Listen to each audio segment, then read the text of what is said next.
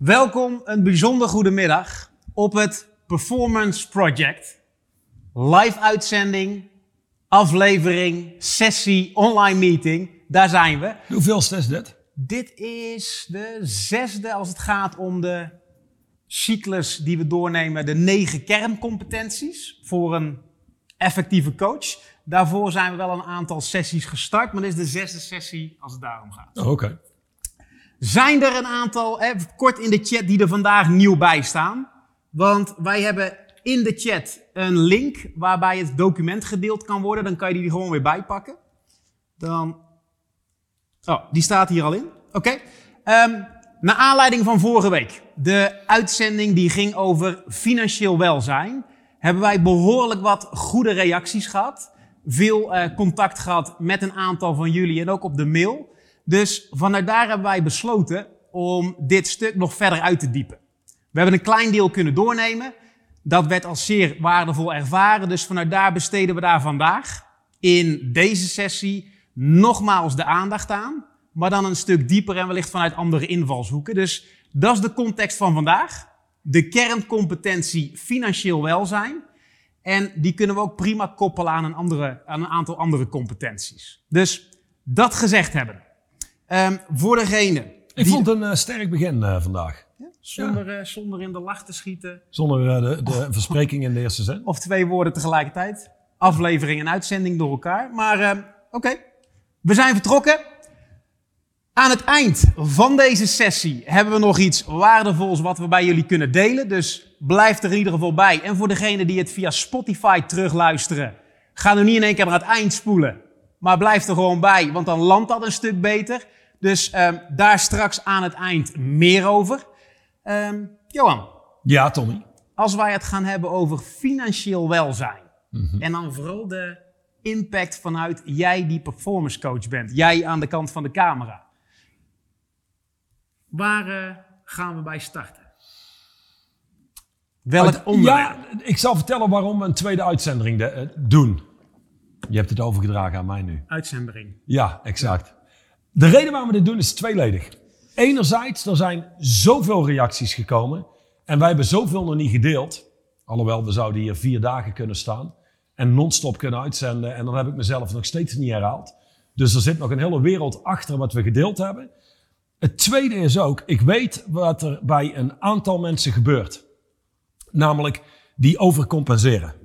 In andere woorden, goh, ik heb die meeting gehoord. Jesus, ik ben business coach. En ik vraag nu 10.000 euro voor een jaar. Die Van der Put 150.000. Ik kan op zijn minst 80.000 euro vragen. En die corrigeer ik compleet de andere kant op. Je noemt dit overcorrigeren. Ik heb een, eh, een dochter van zes en die kan al enige tijd fietsen. Maar waar ging het mis? Die zit op de fiets. Die gaat iets te veel naar links. En zegt, Lotus, let op, je gaat naar het midden van de weg, iets meer naar rechts. En dan snukt ze naar rechts en ze overcompenseert. En vervolgens valt ze. En dat is hetgene wat ze natuurlijk niet wil. En dat is het laatste wat wij willen voor jullie. Dat je jezelf in de vingers snijdt door te overcompenseren, veel te hoge tarieven vraagt, zonder te kunnen leveren wat je vervolgens aan commitment vraagt van een ander. Dus hou het bij en bij, zou ik willen zeggen. Blijf je gezond verstand gebruiken. En je zult je tarieven moeten aanpassen op de impact die je daadwerkelijk maakt. En dat is het eerste echte punt van vandaag. Mensen zijn vaak heel gefocust op geld. En als je geen geld hebt en je zit in een conversatie met een potentiële cliënt. En ik zou in de gewoonte komen om te spreken over cliënten. Zoals Tommy zou zeggen, hoeren hebben klanten. en ja, dat is waar. En cafés en restaurants waarschijnlijk. Ja, maar als jij een high-end restaurant hebt, dan heb je cliënten. Die komen namelijk vaker terug. Daar bouw je een band mee op. Die verwijzen mensen door. Dus je wil cliënten en geen... Klanten. Exact, laat dat duidelijk zijn. En op het moment dat we met iemand in gesprek zijn, een potentiële cliënt, wat vaak in de weg zit, en laat het mij zeker weten in de chat of iemand dit herkent. Het is jammer dat je niet anoniem kunt typen, want dan krijg je over het algemeen wat eerlijker en meer reacties. Maar nooit gemerkt dat je in een conversatie zit en dat het gaat de goede kant op en wat er in de weg zit is, oh shit, we kunnen hier geld verdienen. We kunnen hier geld verdienen. En dat zit zo op de voorgrond dat als je niet uitkijkt, dat het geld willen verdienen zo in de weg zit dat uiteindelijk een deal afketst. Iemand dat gemerkt. En Katelijn van Dongen, een horeca heeft gasten, Tommy. Ja, Ja, net als een dokter of een ziekenhuis patiënten heeft. Oké, alleen, eh, oké, check, oké, oké, oké, kijk, hier, ja. Oké, dus wat is de meest directe manier om meer impact te maken en dus meer geld te genereren? Is focus nooit op geld. In andere woorden, geld zul je belangrijk moeten maken. Je zult goed na moeten denken over hoeveel tijd heb ik, hoeveel cliënten kan ik aan en wat is een gepast bedrag wat ik vraag. Maar waar je op focust is impact. Impact. Denk eens na, stel je bent een business coach of een performance coach in de wellnessbranche of wat dan ook. En het enige doel wat je hebt is een impact maken op je omgeving. Dus voor een business coach zou er zijn, die leest een artikel in de krant, die leest over een lokale ondernemer die in de problemen zit dankzij COVID of wat dan ook. En dat je denkt, hé, hey, ik denk dat ik een absolute impact kan maken op zijn wereld. Als jij mij in één ruimte brengt met die persoon, weet ik zeker dat ik een blijvende impact kan maken. En vervolgens ga je jezelf uit de weg. Je neemt contact op, niet om geld te verdienen, maar om impact te maken. Het is de, de meest makkelijke, maar ook effectieve manier om aan nieuwe cliënten te komen. Of stel, je bent een performance coach. Denk aan personal trainers. Die performance coaching toe gaan voegen. Hoe makkelijk is het om mensen aan te spreken, ze uit te nodigen om iets met je te gaan doen? Een keer een, een proeftraining of een, een moment waarop je samen zit, waarin je gaat zitten en gaat kijken wat zit er voor jou in de weg om je doelen te bereiken. Als je impact maakt op je omgeving, hoef je om geld nooit geen zorgen meer te maken. Dus als je in een gesprek zit, heb je altijd gesprekken met jezelf over, oh, dit gaat de goede kant op. Oeh, ik denk dat dit kan leiden tot een deal. Of, oh man, ik heb niet het idee dat dit iets gaat worden. Ik heb niet het idee dat deze persoon een goede match is. Je wil dat, zoals Tommy zou zeggen, en dit is een professionele coachingterm, bracketen. Laat zeggen dat jij zit in een conversatie met een mogelijke cliënt. En denk als het ware dat je met z'n tweeën in een container zit. Wat je wil is die container leeg hebben. Je wil die container niet bevuilen met jouw neediness, omdat je geld nodig hebt en al je hopen en willen en wensen dat mensen iets gaan doen. Nee, het heeft niks te maken met jij die een impact maakt op de ander. Dus dat wil je allemaal buitenspel zetten. Allemaal aan de kant schuiven, zodat van normaal bevindt het zich hier en zit het in de weg om daadwerkelijk effectief te kunnen communiceren. Een echte impact te kunnen maken. Maar laten we eerlijk zijn. Als je denkt geld te kunnen verdienen en het gesprek loopt goed en er is een, een goede klik, verschrikkelijk woord, maar toch, is wel wat mensen begrijpen. En dan vervolgens ga je voorzichtig zijn en op eieren lopen omdat je die klik niet wil verstoren. In andere woorden, dat gaat direct ten koste van je impact. Dus je bracket, je hopen, je willen, je wensen, al die conversaties met oh my god, we gaan geld verdienen. Aan de kant, dus voor kleine kinderen, focus op impact. En laten we heel eerlijk zijn. Iedereen die echt een impact maakt op deze wereld, hoeft zich nooit zorgen te maken om geld. Dus dat is het eerste wat ik uit de weg wil ruimen. En ben gepast met je prijzen. Hoe beter je wordt, hoe competenter je wordt, hoe beter je reputatie is, hoe meer dat van invloed zal zijn op je prijs. En hoe meer impact je maakt, hoe meer het impact heeft op het resultaat van in ieder geval het netwerk waar je mee werkt, het cliënteel. En om daar even kort op in te gaan, als je kijkt naar hè, de impact maken vergroot in ieder geval je financiële welzijn, dat klinkt heel simpel. Alleen de competenties en in ieder geval bekwaam zijn om impact te kunnen maken, daar wil je vooral naar gaan kijken. Kijk naar die negen competenties, die kerncompetenties. Die zien er in het document fantastisch uit, simpel. En dat je denkt, oh ja, klinkt goed en is logisch. Maar iemand zijn, de coach in de business sector of in de financiële sector of in de sportsector, die daadwerkelijk ook competent is en daarmee kan werken, dat maakt impact. Dus het niet horen, oh, hoe verhoog ik mijn impact en hoe verdiep ik het level van commitment van de klanten of de cliënten waar ik mee werk, door hogere prijzen te vragen. Daar zit het hem absoluut niet in. Tuurlijk gaat dat meehelpen, maar je moet wel kunnen leveren. Het moet realistisch zijn en niet die overcorrectie waar jij over spreekt. Ja, absoluut. Nou, dat was hem dan weer Ja. voor vandaag. Hier moet je het mee doen. Nee. ik heb nog een aantal zaken. Dus terugkomend op ehm, dat overcompenseren. Eén ding, en dit heb ik meegemaakt in de praktijk. ehm, meerdere malen zelfs. Iemand komt met een voorstel. Ze weet je, ja, mijn prijs is omhoog. En dan vervolgens komen ze met een hele lijst van ik voeg dit toe en ik voeg dat toe. En we doen dat ook nog. En daar hebben we een meeting. En daar kom ik je eten thuis klaarmaken. En daar kom ik gesprekken voeren met je, met je medewerkers of wat dan ook. Mensen betalen niet voor de hoeveelheid acties die je doet. Hoe raar het klinkt, maar als ik kijk naar ondernemers waar ik mee werk, die hebben medewerkers, eh, honderden, soms duizenden medewerkers. En hoe raar het ook klinkt, maar die medewerkers worden niet betaald om 40 uur te werken. En die worden ook niet betaald voor hun acties. Mensen worden in de kern betaald voor resultaat. Resultaat is wat telt. En één ding waar performance coaches. Ik, wou, ik was aan het denken, hoe ga ik het zeggen? Maar ik ga het als volgt zeggen. Waar de meeste performance coaches fucking slecht in zijn, is het creëren van waarde. Waarde wordt niet gecreëerd door, ik kom thuis bij je koken, ik doe de gesprekken voor je medewerkers. De waarde zit in de ander. Wat is belangrijk voor de ander? Wat wil de ander? Oké, en als jij 18 miljoen meer omzet genereert, helder, wat denk je dan te hebben?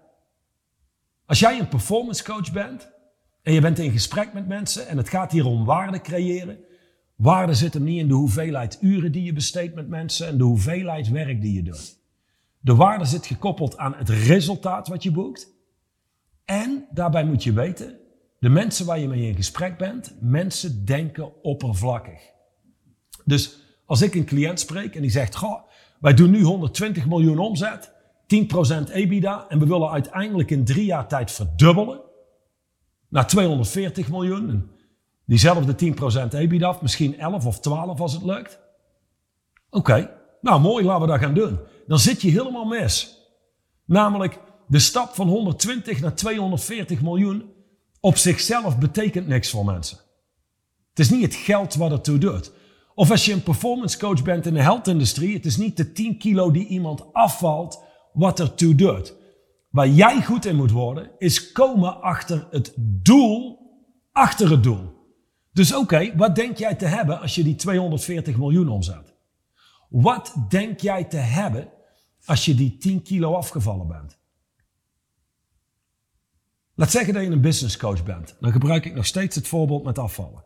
Als jij iemand hebt die 20 kilo wil afvallen en jij roept als performance coach, dat is goed, daar kan ik je bij helpen, dan ben je een eikel. En waarom? Daar zit geen waarde. Wat denkt iemand te hebben en te ervaren zodra ze die 20 kilo kwijt zijn? Oh, dan zou ik lekkerder in mijn vel zitten. Ik zou meer energie hebben. Ik zou goh, overal me gelukkiger voelen. Hm, Oké, kun je iets meer zeggen over die energie? Oh ja, nou ja, nu s'avonds, als ik op de bank zit, kom ik er ook niet meer vanaf. En op zich is dat niet erg, maar mijn partner die klaagt wel eens over het feit dat ik zo weinig energie heb en er niet echt ben. Ja, dan zou ik daadwerkelijk een stuk actiever kunnen zijn. Oké, oké. Die energie, is er nog op meerdere plaatsen in je leven waar het van invloed is? Oh jawel, jawel, ja, nee, ja, ja, mijn werk ook wel. Als ik daar met meer energie rondloop en dan krijg ik meer veroorzaakt. Dus ook, ook binnen mijn werk zou het goed van pas komen. Vertel nog eens iets meer over dat zelfvertrouwen. Waarom is dat belangrijk? Jullie vullen vaak iets in. Oh, zelfvertrouwen. Ja, tuurlijk, belangrijk. Maar waarom? Waarom is dat belangrijk? Is dat belangrijk voor iemands werk? Is dat belangrijk omdat iemand aan het daten is en graag met meer zelfvertrouwen uh, in gesprek raakt met mensen? Heeft dit te maken met het kunnen maken van een impact in je privéleven? Waarom is zelfvertrouwen belangrijk? Waar jullie goed in moeten worden, en dit is een professionele coachingterm nummer twee, digging en probing. Dus mensen zitten aan de oppervlakte. Oh, we willen 240 miljoen doen. Oh, oké. Waarom? Waarom is dat belangrijk? Oh, nou, dan hebben we meer financiële ruimte. En we zouden uit kunnen breiden naar het buitenland. Dat vinden we ook belangrijk. Oh, oké. Waarom? En je bent weer een stap dieper. Oh, nou ja, als wij kunnen uitbreiden naar het buitenland, pakken we een stuk meer markt. Verder, hm, het maakt ons bedrijf een stuk meer solide. We kunnen meer investeren. En vervolgens gaan kijken naar hey, een, een ehm, nieuw onderdeel van het bedrijf opstarten, whatever dat het is. Oh, oké. En, en, en wat zou dat doen voor de organisatie? Oh, nou ja, nogmaals, meer solide. Um, geeft de werknemers ook rust, want die weten ook gewoon, hey, het groeit, het loopt. Dus geeft hun meer vertrouwen. Hm. Is dit ook nog van invloed, bijvoorbeeld binnen je gezin? Ben je getrouwd? Heb je kinderen? Oh ja, ja, ja, ik ben getrouwd, ik heb twee kinderen. Oké, hoe, hoe is dit belangrijk voor je gezin? Hm. Dat betekent dat ik waarschijnlijk met een stuk meer rust binnen mijn gezin zou zijn. En dat ik meer aanwezig zou zijn bij hun als vader of als moeder. En dan hoor je het ook al aan hun stem, dat ze aan het vertragen zijn. En dieper beginnen te zien wat een traject met jou zou kunnen doen voor ze. En dat bedoelde ik toen ik vorige keer zei, je verkoopt iemand zichzelf. Dus het zijn hun hopen en hun dromen en hun wensen die ze realiteit willen laten worden. Waarbij je wel een connectie moet maken tussen daar resultaat boeken en hoe dat van invloed is op de rest van hun leven. Daar zit waarde. Niet in het aantal uur wat je werkt. Niet in jij die een boterhammen ochtends komt smeren of um, de billen afveegt van hun medewerkers. Daar zit geen waarde. Dus hou daar rekening mee als je in gesprek bent met mensen wat waardevol is. En het verdubbelen van omzet en 20 kilo afvallen of wat voor performance coach je dan ook bent, daar zit niet de waarde. Daar zitten nog 24 levels onder. En de mensen in ons lidmaatschap, een van de eerste dingen die we doen, en Tommy zou zeggen, well, we beat it to that, is hoe creëer je die waarde? Daar zijn ze uren mee bezig om die diagnosegesprekken goed vorm te geven met mensen. Want daar zit onder andere ook het geld aan gekoppeld en de impact die je kunt maken. Was het waardevol? Kunnen jullie daar iets mee? Oké. Heel goed. Heel goed. Tom, je hebt daar een hoop dingen staan. Wat is het, um, het belangrijkste om door te nemen? Nee, ik heb vorige week ook nog veel terug gehad. Um, je kan geld verdienen aan mensen die geld hebben. En ook daar kan je die overcorrectie maken. Dus het komt vanuit, hè, ik moet werken of ik zie dat ik effectiever kan zijn en financieel wel kan zijn door te werken met gecommitteerde mensen. Dus geld verdienen aan mensen die geld hebben, betekent niet dat je in één keer uit het niks je prijzen gaat verhogen en daar niks aan kan, aan kan toevoegen qua, qua impact en waarde.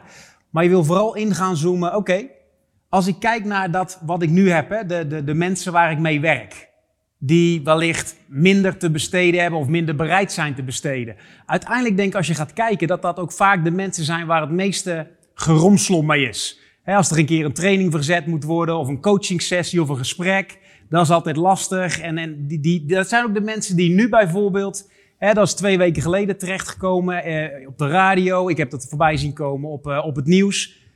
De fitnessclubs die nu in één keer beginnen te zien, hey, mensen gaan hun abonnementen stopzetten. Dus iemand die 15 euro, 17 euro of 30 euro betaalt voor een abonnement en nu in één keer door de omstandigheden niet kan trainen zoals het zou kunnen zijn, die zeggen in één keer hun abonnement op. Dat zijn de mensen waar je eigenlijk het liefst niet mee wil werken als je financieel welzijn wil creëren en impact wil maken.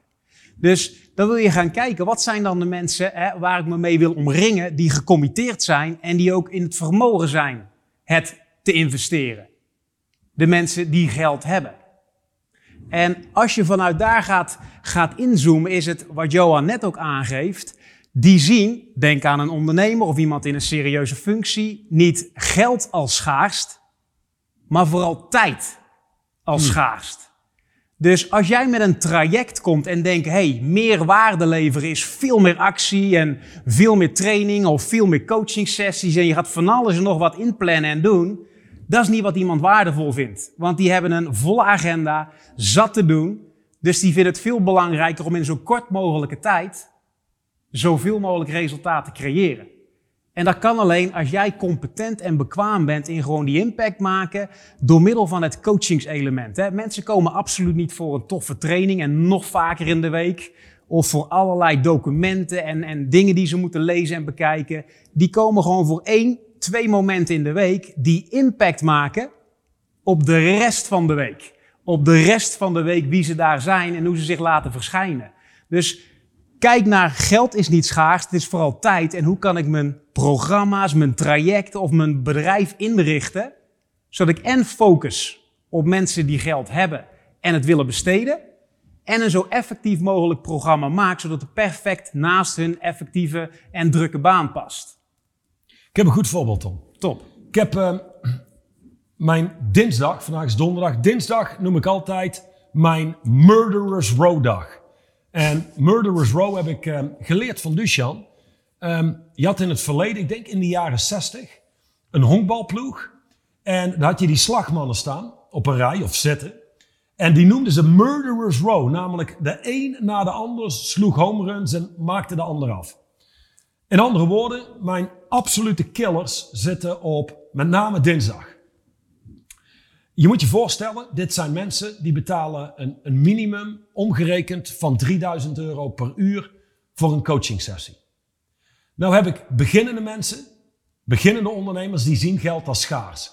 Ik kan je één ding vertellen. Ik weet, zo'n sessie duurt zeker en standaard een uur.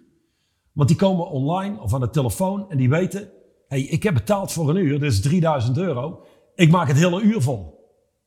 En op dinsdag is eigenlijk, moet ik heel eerlijk zeggen, mijn, mijn makkelijkste dag. Want de helft van de mensen waar ik mee werk, zegt na 15 tot 30 minuten, Johan, dankjewel voor vandaag. Ik heb alles wat ik nodig heb, maar die komen al aan de telefoon. Johan, ik heb vandaag, ik noem maar iets, 15 minuten.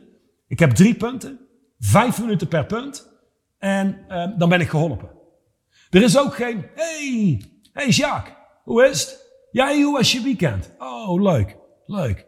En dan vervolgens eerst 10 minuten spreken over koetjes en kalfjes. Die mannen komen aan de telefoon, of die vrouwen komen aan de telefoon. En dat is onmiddellijk, Johan, ik heb 15 minuten, ik heb drie punten om door te nemen. Uh, vijf minuten per punt, dit is de eerste. Boom. En als ik dit wel eens ooit deel, zeggen mensen, the fuck, hoe kan dat? Die betalen voor een uur en na een kwartier of een half uur zijn ze weg. Dat is zonde van hun geld. Nee, dat is een systeem van denken waar blutte mensen in denken. Namelijk mensen die echt geld genereren, hoe denken die? Letterlijk het tegenovergestelde. Luister, één, ik ben geholpen. Ik heb hier drie punten waar ik de komende week aan kan werken. Meer kan ik toch niet doen. Dus ik kan hier nog drie kwartier of weet ik veel, een half uur aan de lijn hangen. Maar in dat half uur of drie kwartier genereer ik een heel stuk meer dan de 1500 euro die ik zogenaamd open had staan in die coaching sessie. Dus dit zijn mensen die zien geld als iets wat je gewoon kunt creëren. En die zien tijd als schaars. Dan zal ik een makkelijk voorbeeld geven. Ik had ooit iemand die, uh, dat is alweer jaren geleden, toen CrossFit begon populair te worden. En die zei, ik, ja, want ik wil eigenlijk een, een CrossFit club starten. Zou je bereid zijn om te investeren? Nu, stuur me geen berichten om te investeren, want het antwoord is nee. Maar toen dat tijd dacht ik, oh, een CrossFit club bij mij in het dorp, dat zou perfect zijn. Ik zei, oké, als jij een pand hebt, mag je het me altijd laten weten. Nou, dus op een gegeven moment neemt hij contact. Zegt, joh, ik heb een perfect pand. En wij komen eraan, ik kom een kijkje meenemen. En in dat pand zijn allemaal hokjes gemaakt. Ik weet niet wat het voorheen was, maar allemaal van die kleine kantoortjes. Dus ze moesten er allemaal uit, moesten allemaal gesloopt worden. En dat was ook het eerste wat me opviel. Dat ik zei, goh, ja, dit kan, dit pand kan, dat is een prima locatie. Maar je zult een hoop sloopwerk hebben. Alles eruit moeten halen voordat je opnieuw kunt opbouwen. En ik weet zeker dat er genoeg lege panden staan. Die eigenaar van dat pand, en dan denk je, het is toch iemand die schijnbaar geld heeft, maar niet, niet aan hoe die dacht en hoe die sprak. Zegt hij, uh, ja, maar het is niet zo moeilijk. Jullie kennen toch met z'n twee uh, gewoon twee weken hier uh, gewoon de boel slopen. Daar haal je er zelf uit. Heb je niemand anders voor nodig. En ik denk alleen maar, wie de fuck denkt zo? Wie denkt nou, want laten we zeggen slopen. Je kunt mensen inhuren voor 30 euro per uur, die komen slopen. Mijn uurtarief ligt veel hoger. Waarom in hemelsnaam zou ik twee weken lopen aanklooien om een pand te gaan lopen slopen? Om geld te besparen. Dat kost me twee weken van mijn leven. En dat is hoe kick-ass mensen omgaan met tijd. Tijd is leven. Tommy is geboren in 85. 85. 1985. En laat zeggen dat hij sterft in 2085. Die tijd is het leven van Tommy. Alles wat in, in, daartussenin zit. Tijd is leven. Dus je wil respectvol omgaan met tijd van mensen. Dus in een succesvol traject met iemand is het niet, we moeten heel veel tijd met elkaar doorbrengen, want dat maakt de impact. Nee. Nee, het is het liefst zo kort mogelijk, zo impactvol mogelijk en zo effectief mogelijk. Dat is het meeste geld waard. Dus zo wil je leren denken, want zo denkt de doelgroep die jouw product of service ook daadwerkelijk kan betalen. Oké, wat hebben we er meer staan? Ehm, ik wil nog een klein stukje teruggaan op die eh, overcorrectie of overcompensatie. En ik had hier als onderwerp roepen dat iets veel geld is, of iets duur is, of een hoge investering is. En zelf je prijs verhogen en in één keer veel geld gaan vragen. Dat is ook een complete mismatch. Uiteindelijk, jij weet als coach ook, je kan jezelf hè, competenter maken. Dat maakt impact. Dus hoe meer jij gefocust bent op een ongoing process als jezelf ontwikkelen als coach en competent te worden en daarin investeren, tijd, geld en energie, hoe krachtiger en effectiever jij bent, hè, hoe verder je je mensen kunt brengen. Maar als jij nooit serieuze investeringen gedaan hebt in jezelf, of om jezelf competenter te maken en in één keer out of the blue de prijzen gaan verhogen, want hé, hey, dat heb ik gehoord, want dan heb ik gecommitteerde mensen binnen en dan schat ik mezelf naar waarde, daar zit ook echt een mismatch. Ik denk dat dat een goed punt is om ook nog aan te stippen. Heb je dat niet net gedaan? Ja, maar ik denk, jij hebt altijd wel briljante... Nou, ik, ik eh, zat een klein beetje te kijken naar, nou niet een klein beetje, volledig naar Esra. Ehm, ook als personal trainer. Je wil het volgende beseffen. Er zit 168 uur in een week. En je kunt drie uur per week met iemand trainen. Laat zeggen dat dat al behoorlijk veel is. Drie uur per week. Wat iemand doet, de rest van die 165 uur, dat bepaalt de resultaten. Niet die drie uurtjes. Die zijn belangrijk en iemand zal moeten trainen. Maar de impact zit hem in jij die met mensen spreekt en werkt. En wat ze die 165 uur doen. Dat, dat is waar het om draait. Die drie uurtjes is mooi. Of die twee uurtjes is mooi. Maar het gaat om de rest. Daar zul je impact op moeten maken. En dat doe je niet door heel veel tijd te besteden met iemand. Maar door competent te zijn in je werk. En mensen te kunnen laten zien wat ze niet zien van zichzelf. Met name in eerste instantie wat in de weg heeft gezeten om überhaupt hun resultaat te behalen.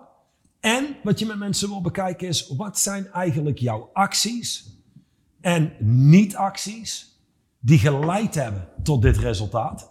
Die 20 kilo overgewicht of het bedrijf waar je niet verder uitgebouwd krijgt. En wat zijn de beslissingen en acties die je hier houden? Dat is waar je met mensen naar wil kijken. En ook als personal trainer zou ik zeggen, Duchan is een goed voorbeeld. Uh, Duchan, de schrijver van het boek Straight, Straight Line Leadership. Die, ik weet dat die een soort personal training-achtig iets doet, drie keer in de week. Maar dat duurt maar een kwartier tot twintig minuten. Dus een speciaal trainingsprogramma. En dan eindigt hij met twee of drie minuten, ik weet niet hoe lang dat is, met cryotherapy. Dat min 85 graden in zo'n zo'n ding opgesloten worden. Ja. ja, dus die kijkt altijd naar biggest bang for the buck. Um, wat werkt het meest effectief? Um, daar kiest hij voor. Niet wat kost me het meeste tijd of zoiets. Um, ja, en, Ezra zegt, thanks voor de verandering in perceptie. En dat is exact wat het is. Als het gaat over performance coaching, mensen niet, of mensen laten zien wat ze niet zien. Dit is een goed voorbeeld, Ezra, want je snijdt jezelf in de vingers als jij bij een ondernemer aankomt met, hey, maar ik wil dit goed doen, en commitment, en investeer, en 20 uur per week. En zo'n ondernemer denkt, wacht even, um, als ik hier drie uur of vijf uur per week besteed, een uur wat ik werk, de ondernemers waar ik mee werk, die weten prima wat ze per uur ongeveer genereren. Die zouden denken, holy fuck, vijf uur. Dat kost me misschien wel 30.000 euro per week. Die uren dat ik daarmee bezig ben. Dus kan dit niet korter? Dat zullen ze je nooit zo zeggen. Maar daarom zeg ik het, dan heb je dat in ieder geval als frame of reference als je spreekt met echte mensen. Um, wat wou ik daar nog op zeggen? Oh ja, Eén ding nog, Tom, maar dat is wel een nieuw onderwerp. Heb je hier nog iets over te delen of iets waar je wil dat ik uh, uiteenzet? Nou, ik, wij hadden gisteren een sessie bij ons op kantoor. Dat noemen wij een performance sessie met coaches uit de branche waar jullie ook in zitten. Was er waar Jack bij was? Dat was inderdaad waar Jack bij was. Um, En uiteindelijk kregen wij diezelfde vraag van oké, wat, wat Ezra hier ook zegt, bedankt voor de shift in perceptie en ik pak dit wel. Maar de mensen die ik binnenkrijg, die bij mij op gesprek komen, die hebben in hun hoofd, ja, hoe meer, hoe beter. Oh ja, ja. Oké, dat is echt een blutte mindset. Ja, hoe De- meer, hoe Denk beter. aan zo'n restaurant, weet je wel. Hé, hey, ga je mee naar dat wok-restaurant? Kun je keiveel eten, man, voor eh, Onbeperkt. 20 euro. Ja, als er iets onaantrekkelijk is, is, is dat het wel. Als ik zoiets hoor, dan denk ik, nou, dat is niet helemaal mijn ding. Maar dat is een beetje de gedachte, veel voor weinig. Ja, dus uiteindelijk, wij, wij namen exact hetzelfde ding terug. Het gaat erom welke impact maak je in die één of in die twee uur in die week. Wat de rest shift bij zo'n cliënt. Maar dat moet je wel kunnen laten zien aan iemand. En dat is kunnen laten zien wat er überhaupt in de weg staat. Dus je kan alsmaar meer dingen gaan zitten toevoegen. Maar als er onderin niks verandert, hè, wie de persoon is, daar niet competent en bekwaam in zijn, dan blijven mensen ook zo kijken. Dus dat wilde ik daar in ieder geval nog over delen. Mensen komen nog wel binnen met denken, als ik extra train of meer eh, van die strategie af weet, dan komt het wel goed. Maar het is aan jou om die conversatie te, kunnen draaien. Ze iets kunnen laten zien wat ze vooraf niet zagen. Hey, en wat denk je van het volgende? Als het aankomt op geld, want dan spreken we over financieel welzijn. Ehm, laten we een soort poll doen in de quiz. In de chat? Een poll doen in de quiz. Ja, ik bedoelde een quiz of een soort poll in de chat. Ehm 5000 euro. Is dat veel geld of weinig geld? Hoe verschijnt dat voor jullie? 5000 euro. Veel geld, weinig geld.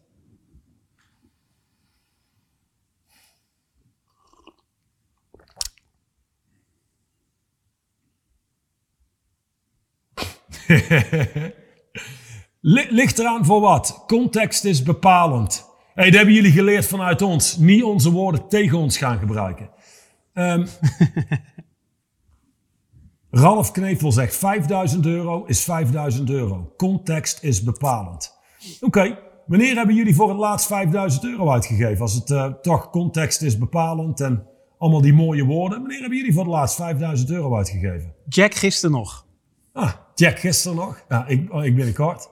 Ah, een maand geleden. Peter de Graal, twee weken geleden 25.000 euro. Oh, oké. Hier, Inge van der Linden. Ik vind het behoorlijk veel geld. Kijk, juist. Weet je, heel eerlijk, en dit is het ding. Ja, we kunnen kijken naar... ehm, ja, context is bepalend. 5000 euro voor een Ferrari vind ik niet veel geld. Ja, oké. Maar hoe verschijnt 5000 euro? Hoe verschijnt 25.000 euro? En één ding wat ik opmerkte was, ik was in gesprek met Duchan, ehm, nog, nog voordat ik begon te werken met hem. En toen deed hij het voorstel van 175.000 dollar. En ik zit daar en ik denk, holy shit. Holy shit, 175.000 dollar. Weet één ding? Ik was toen niet wie ik nu was. Dus er kwam voor mij over, die 175.000 dollar, hij had net zo goed een miljoen kunnen vragen. Zo kwam dat over op mij. En jullie hebben allemaal bepaalde constructies, mentale constructies rondom geld. Oh, 5000 euro is een hoop geld. Of, oh, ja, ja, dat ligt eraan maar voor. Een horloge. Wie vindt 5000 euro voor een horloge veel geld?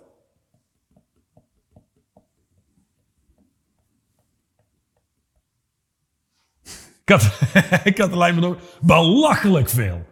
Welk merk? En, en, en, en Frankie Bags, of Frankie Bax, prima bedrag. Yvonne, welk merk? Patek Philippe, of ehm Vacheron Constantin, of Audemars Piguet, of Hublot, of Rolex. Ehm, en Frank zegt, als het 15.000 euro waard is... Je kijkt toch op je telefoon voor de tijd? Dat is helemaal waar, Katelijn. En die is een stuk nauwkeuriger ook. Die is nauwkeuriger. Een horloge is meer een statement of een hebbeding of zoiets. Dit welk merk, wel een goeie. Casio. Dan is weer een hoop geld. Waar ik naartoe wil is dit. 5000 euro verschijnt voor jullie op een bepaalde manier. En misschien is dit de meest accurate vraag. Hoe verschijnt voor jullie om iemand, ik noem maar iets, 10.000 euro te vragen voor jouw product of service?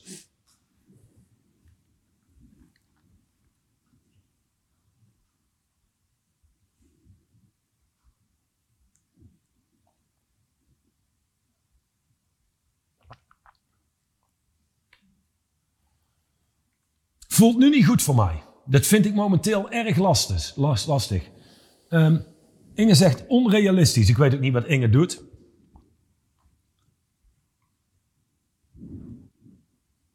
Ah, Inge is personal trainer. Oh, oké. Inge, ik ken wel een heel aantal personal trainers wat rond die koers een, een, een, een voorstellen doen aan mensen. Bijvoorbeeld voor een jaar lang iemand te begeleiden. Eén eh, keer in de week trainen, bijvoorbeeld één keer in de week echt coaching. Um, Jack voelt nog tegen natuurlijk onzekerheid met betrekking tot competentie. En het laatste wat ik trouwens wil is nu zeggen, jullie moeten 10.000 euro gaan vragen. Is het niet. Ik wil alleen maar inchecken met hoe verschijnt voor jullie 10.000 euro. Uh, geen probleem als ik hem kan aantonen dat hij een veelvoud kan verdienen. Ja, juist Frank, want dan is het een investering. En de meeste mensen kijken naar geld uitgeven als zijnde kosten. Dat is hoe mensen kijken. Kosten. Voor een business coach overigens kan een goed horloge of een goede auto ook een goede investering zijn.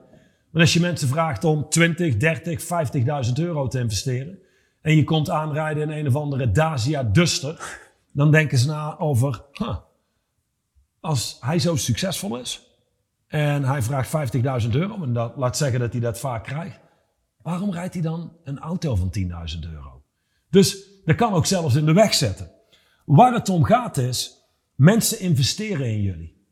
En er zijn geen kosten die ze maken, mits ze krijgen wat ze willen. En ga eens een keer kijken, een dag bij een autogarage die, die Audi verkoopt, of BMW of whatever. En dan ga je kijken naar mensen die eigenlijk geen geld hebben. Die geven vlot 20.000 euro uit aan een auto, 30.000 euro uit aan een auto. Ze hebben geen geld, maar toch geven 5.000 euro uit aan een vakantie. En we hebben geen geld, maar toch geven we zoveel euro uit aan, aan nieuwe televisies en allerlei dingen die we eigenlijk amper nodig hebben. En dan hebben we jullie, toekomstige performance coaches, die nu al iets doen met training en coaching en consultancy. En dan zit je jezelf in de weg door hele lage bedragen te, te vragen, omdat je het waarschijnlijk zelf ook ziet als een kostenpost voor de ander. Of je denkt mee met de portemonnee van een ander. De meeste mensen zijn veel te redelijk. Dus je kunt nooit denken voor een ander. En het vragen van een echt commitment is belangrijk, want dat bepaalt uiteindelijk de uitkomst. En één ding, hier heb ik ook veel reacties op gehad, is op dat ding, hoe mensen kopen, is hoe ze verkopen. Dus ik heb wel eens ooit coaches aan de lijn gehad en inmiddels neem geen contact op, en ik heb geen tijd, in, ieder geval niet de komende tien jaar. Um, maar in het verleden coachte ik nog wel als een coach. En dan ging het, was het voorstel, toen de tijd 100.000 euro voor een jaar. En dan, ik heb coaches gehad die zeiden na het voorstel, ik doe dat, ik zie dat ik dit moet doen.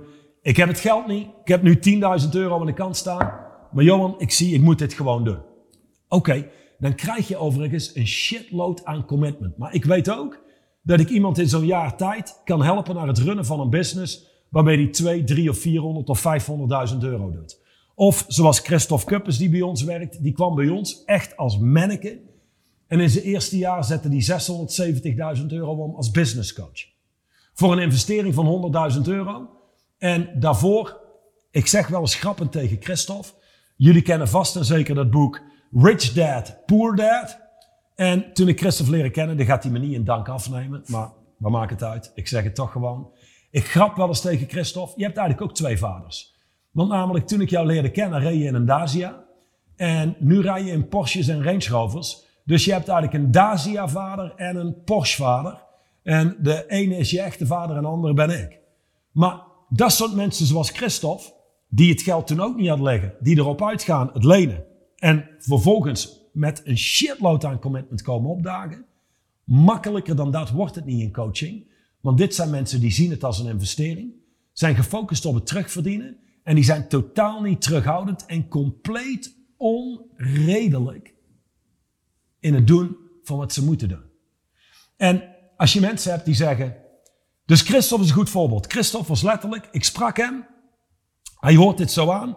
Na een uur en een kwartier zei hij, hoe ziet dit eruit? Ik doe een voorstel, zegt hij, goh, dat is ongeveer 90.000 euro meer dan ik heb. En ik ga het doen. En ik ga het doen, Johan. Ik ga dit doen. Absoluut. Ik moet dit doen. En uh, ik heb nog geen idee waar ik het geld vandaan haal. maar ik regelde het. Was een jongen van 23 of zo toen hij dat deed. 23 jaar oud. Dat is een fucking statement. Vervolgens heb ik ook mensen gehad en die hadden misschien veel meer geld. Uh, hadden misschien wel 50.000 euro spaargeld op een rekening staan. Dus voor hun was het een stuk toegankelijker. En dan was het ja, ja, ja, nee, ja, op zich, ja, nee, ja, goh, het klinkt goed. Ik zou het echt willen doen, maar al dat geld en dit en dat en zus en zo. En ik denk erover na en hm, ik ben nog niet zeker, geef me nog een week en da, da, da. Vaak komt dat overeen hoe we kopen, hoe we verkopen. Nooit gemerkt dat je van die mensen krijgt die terughoudend zijn en oh shit, ja, ja, ik wil het eigenlijk al doen, maar ik vind wel veel geld en zus en zo. Een coach, een performance coach, kan mensen meenemen tot het level waar hij zelf is geweest. En ik kan je één ding zeggen, als het aankomt op het creëren van resultaat voor jezelf, maar ook voor anderen, je zult onredelijk moeten zijn.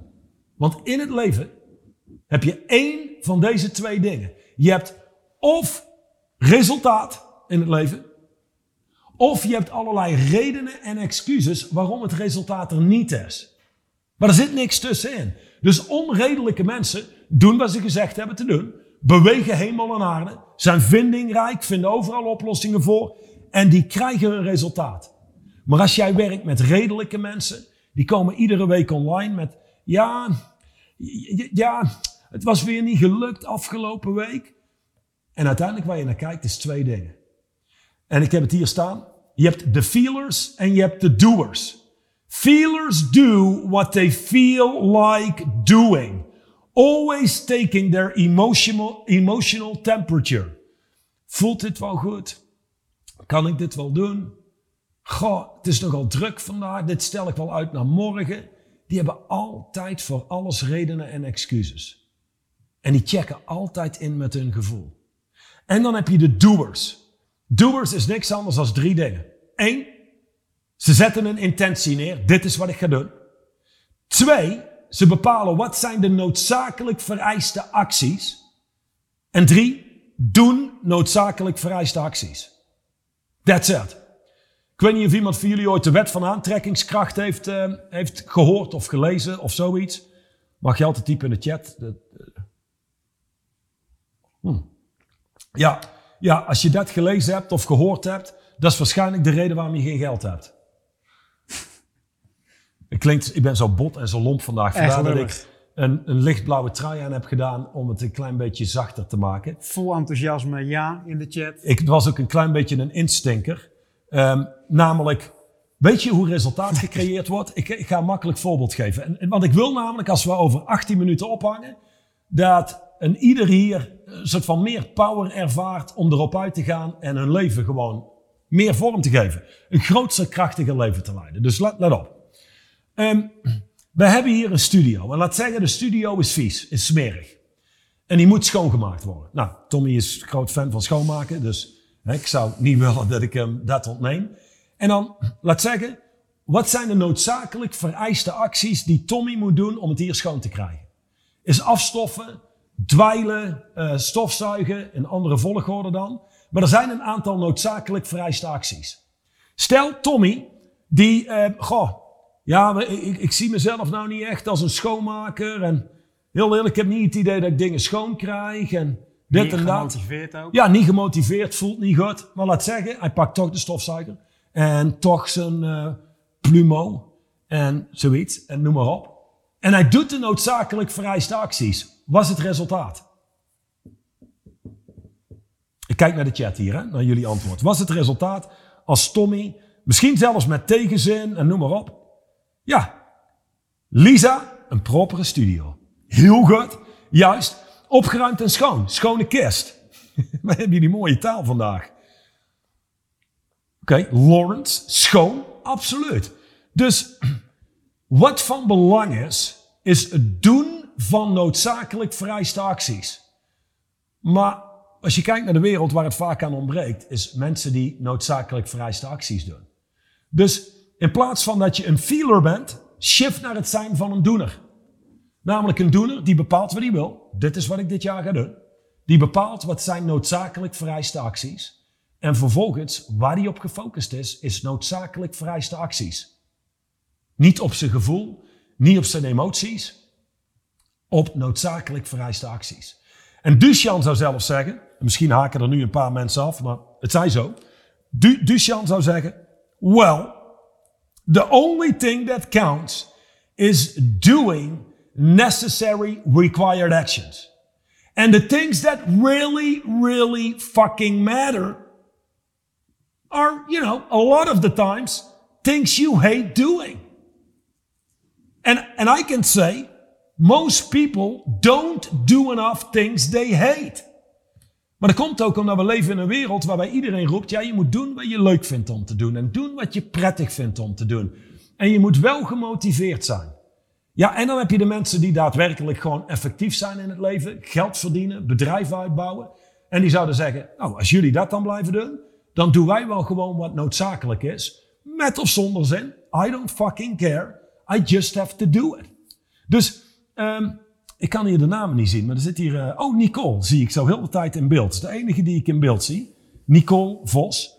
En uiteindelijk het belangrijkste voor Nicole is dat ze in het leven doet wat nodig is.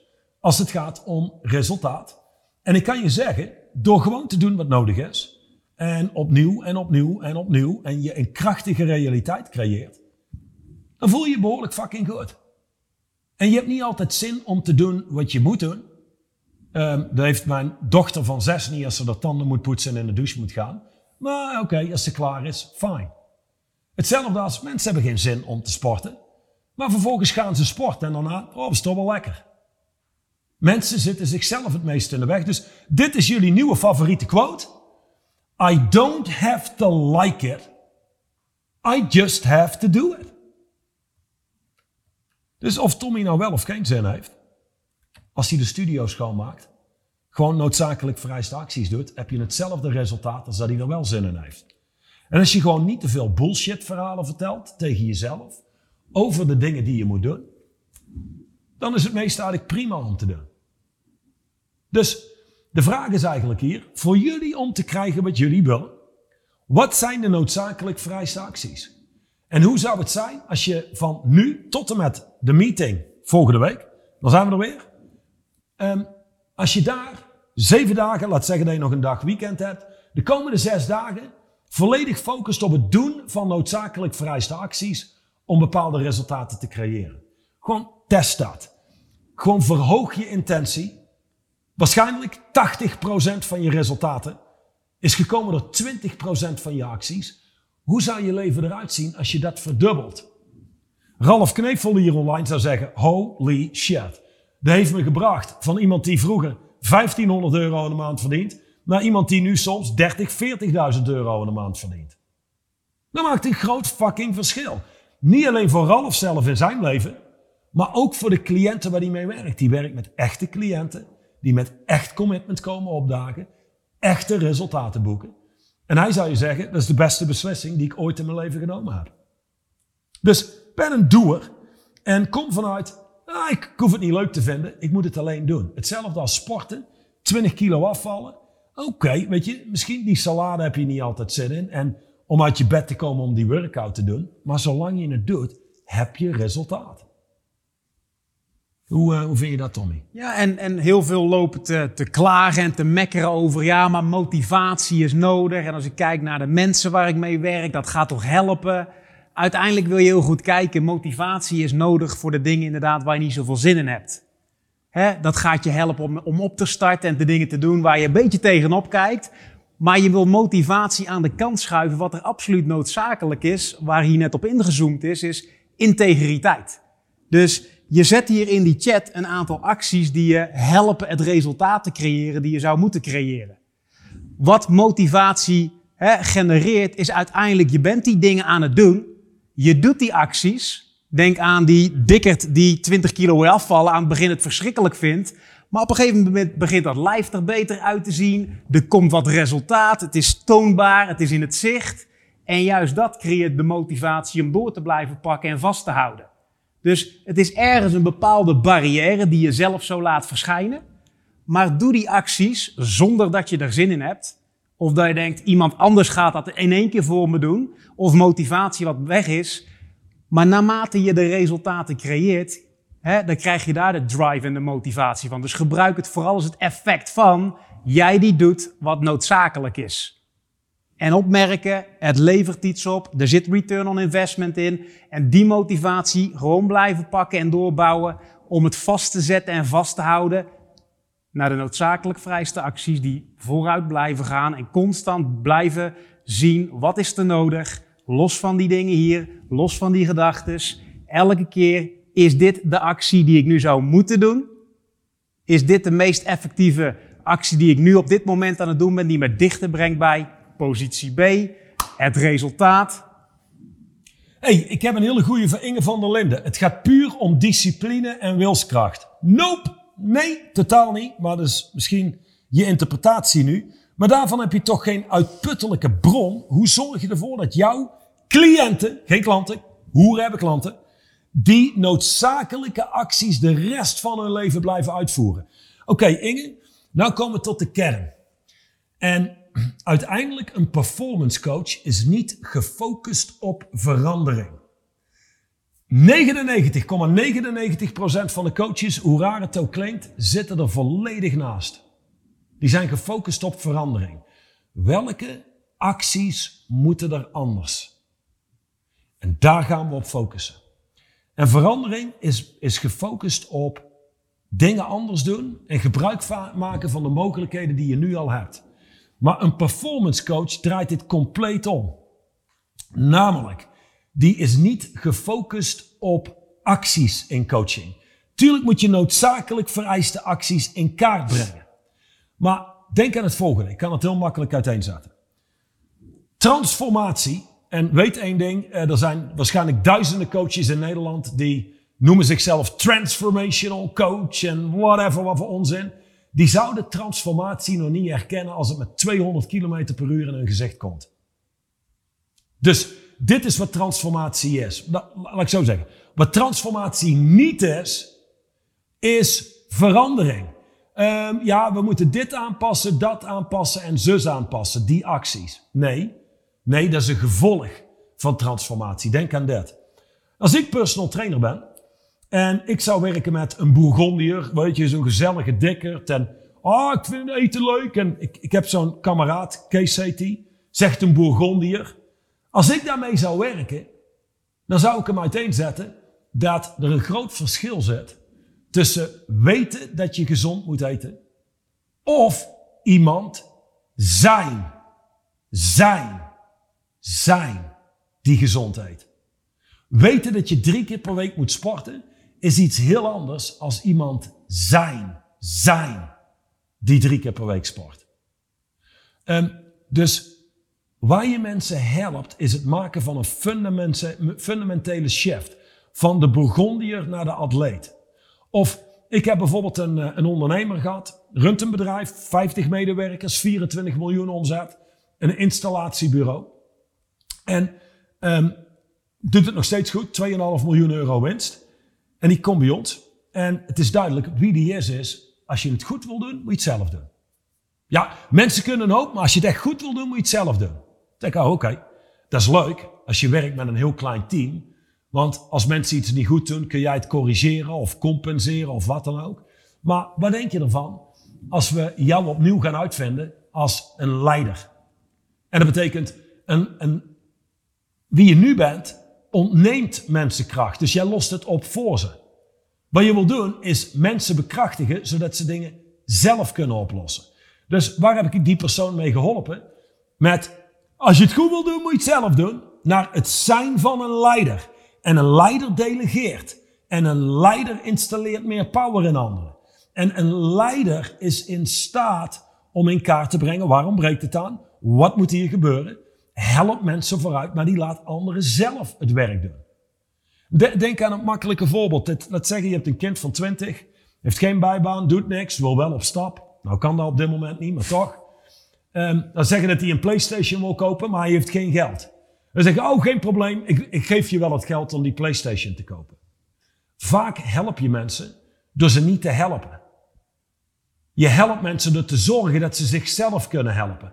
En dat is het verschil tussen, en als je het goed wil doen, moet je het zelf doen, naar het zijn van een leider. Het gedrag wat daaruit voortkomt, De acties is een gevolg van een shift van inner stance. Dus voor blijvend resultaat heb je geen wilskracht nodig en discipline. De discipline zou zijn om steeds opnieuw die inner stance op het speelveld te plaatsen, tot het een natuurlijke zelfexpressie is. Dat is wat high-end coaching in de kern is. Mensen assisteren te zijn wie ze moeten zijn, zodat als gevolg ze doen wat ze moeten doen en krijgen wat ze willen. Maar wat doen de meeste coaches? Er zijn professionele tipgevers, geven adviezen. Oh, ik zou dat zo doen. Oh, jij eet nog sojayoghurt. Dat zou ik niet doen. Gooi best is beter. Whatever dat het is. We zijn gefocust op gedrag. En dan krijg je wat 98% van Nederland doet. 1 januari. Wij willen afvallen. Dit wordt echt mijn jaar. Nee, nu gaat het echt lukken. En dan vervolgens starten ze. Binnen 15 dagen is 98% woep, klaar, gestopt. Dat is logisch, want jullie weten inmiddels, een reptiele brein, dat oudste deel van onze hersenen, wil altijd terugkeren naar wie we denken te zijn. De dikkerd of de amateuristische ondernemer. Of hey, ik kan een hoop, maar echt succesvol zal ik niet zijn. Daar wil die naar terug. En een performance coach stelt mensen in staat te dealen met al die interne bagage. We noemen het in coaching hun case. Zodat ze vervolgens kunnen zijn wie ze moeten zijn. Zodat ze kunnen doen wat ze moeten doen als gevolg. Om te krijgen wat ze willen. Tommy zou dit noemen be, do, have. Amateurs zijn gefocust op doen, doen, doen, doe dit, doe zus. Oh, dit is nog een mooie tip. Hier heb ik nog advies. Dit zou zijn, oh, je rookt sigaretten. Nou, oké. Nou, steek die dingen niet meer in je mond. Koop ze niet meer, dan ben je gestopt. Nee, een roker moet je transformeren en je kunt iemand helpen. Je kunt het niet doen voor ze. Maar je kunt iemand helpen te shiften naar het zijn van een niet-roker. En een niet-roker steekt die dingen niet in zijn mond. Gaat niet naar de winkel om ze te halen. En het gevolg is dus ook, nou, met meer schone longen, zoiets. Ja. Is, is dit duidelijk als ik dit zo uiteenzet? Want dit is de echte kern van performance coaching. Alleen dan op een beetje Jip en Janneke wijze uiteengezet. Oké, heel eerlijk. Um, twee dingen nog. Refuse to be ordinary. People buy who you're being or not. Dus mensen kopen wie je bent of niet. Dus mensen kopen geen personal training. Feitelijk kopen ze wie jij bent en zichzelf. Dus als ze jou niet kopen, ze van, ah, oké, weet je wel, die, uh, die hebben we hier.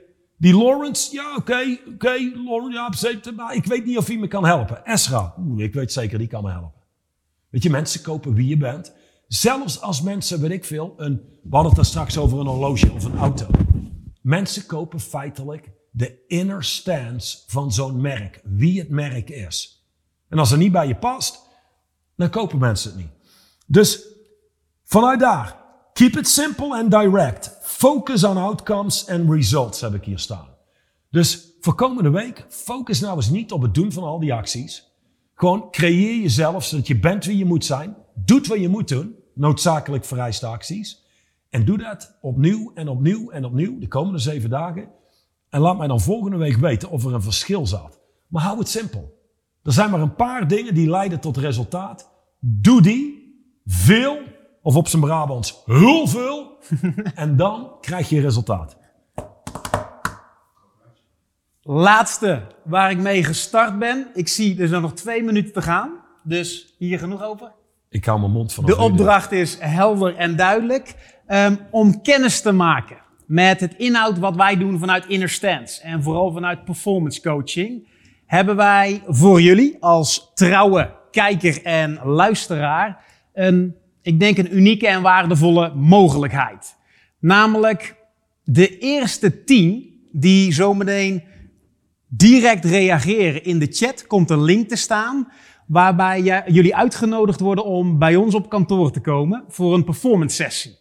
En uiteindelijk wat we daar gaan doen is een drie uur durende sessie met een kleine selectieve groep om vooral verder uit te diepen en te kijken, hey, Waar kunnen we je helpen bij de challenges waar je tegenaan loopt? En vooral ook in het stuk van trainer, coach naar ondernemer. En normaliter is dat op uitnodiging. Maar hey, jullie investeren hier je tijd en je energie ook in deze sessies. Dus we zetten dat eenmalig eens open in de chat. De sessie is op 31 maart van 10 tot 1 bij ons in echt op locatie. Bij ons gewoon in ons pand, in onze ruimtes. Ze kunnen jou echt aanraken. Aantikken. Ik loop daar rond, Michael loopt daar rond. Ja. Dat is de mogelijkheid. Dus de eerste 10 die direct aanmelden, we hebben niet plek voor, voor meer, die kunnen wij daar direct voor uitnodigen. Dus de link staat in de chat.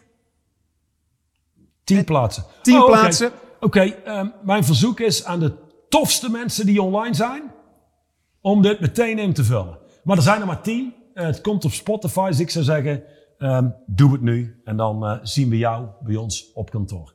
Dankjewel weer voor vandaag. Belangrijkste is één ding. Deze meeting is niet zo belangrijk. En wat ik zeg en Tommy eh, zeggen misschien ook niet. Wat er echt toe doet, is jij die vanuit hier gaat implementeren. Als je dat doet, zien we je volgende week. En als er nog mensen zijn waarvan je denkt, die moeten dit weten, nodig ze uit en ben niet terughoudend. Dankjewel.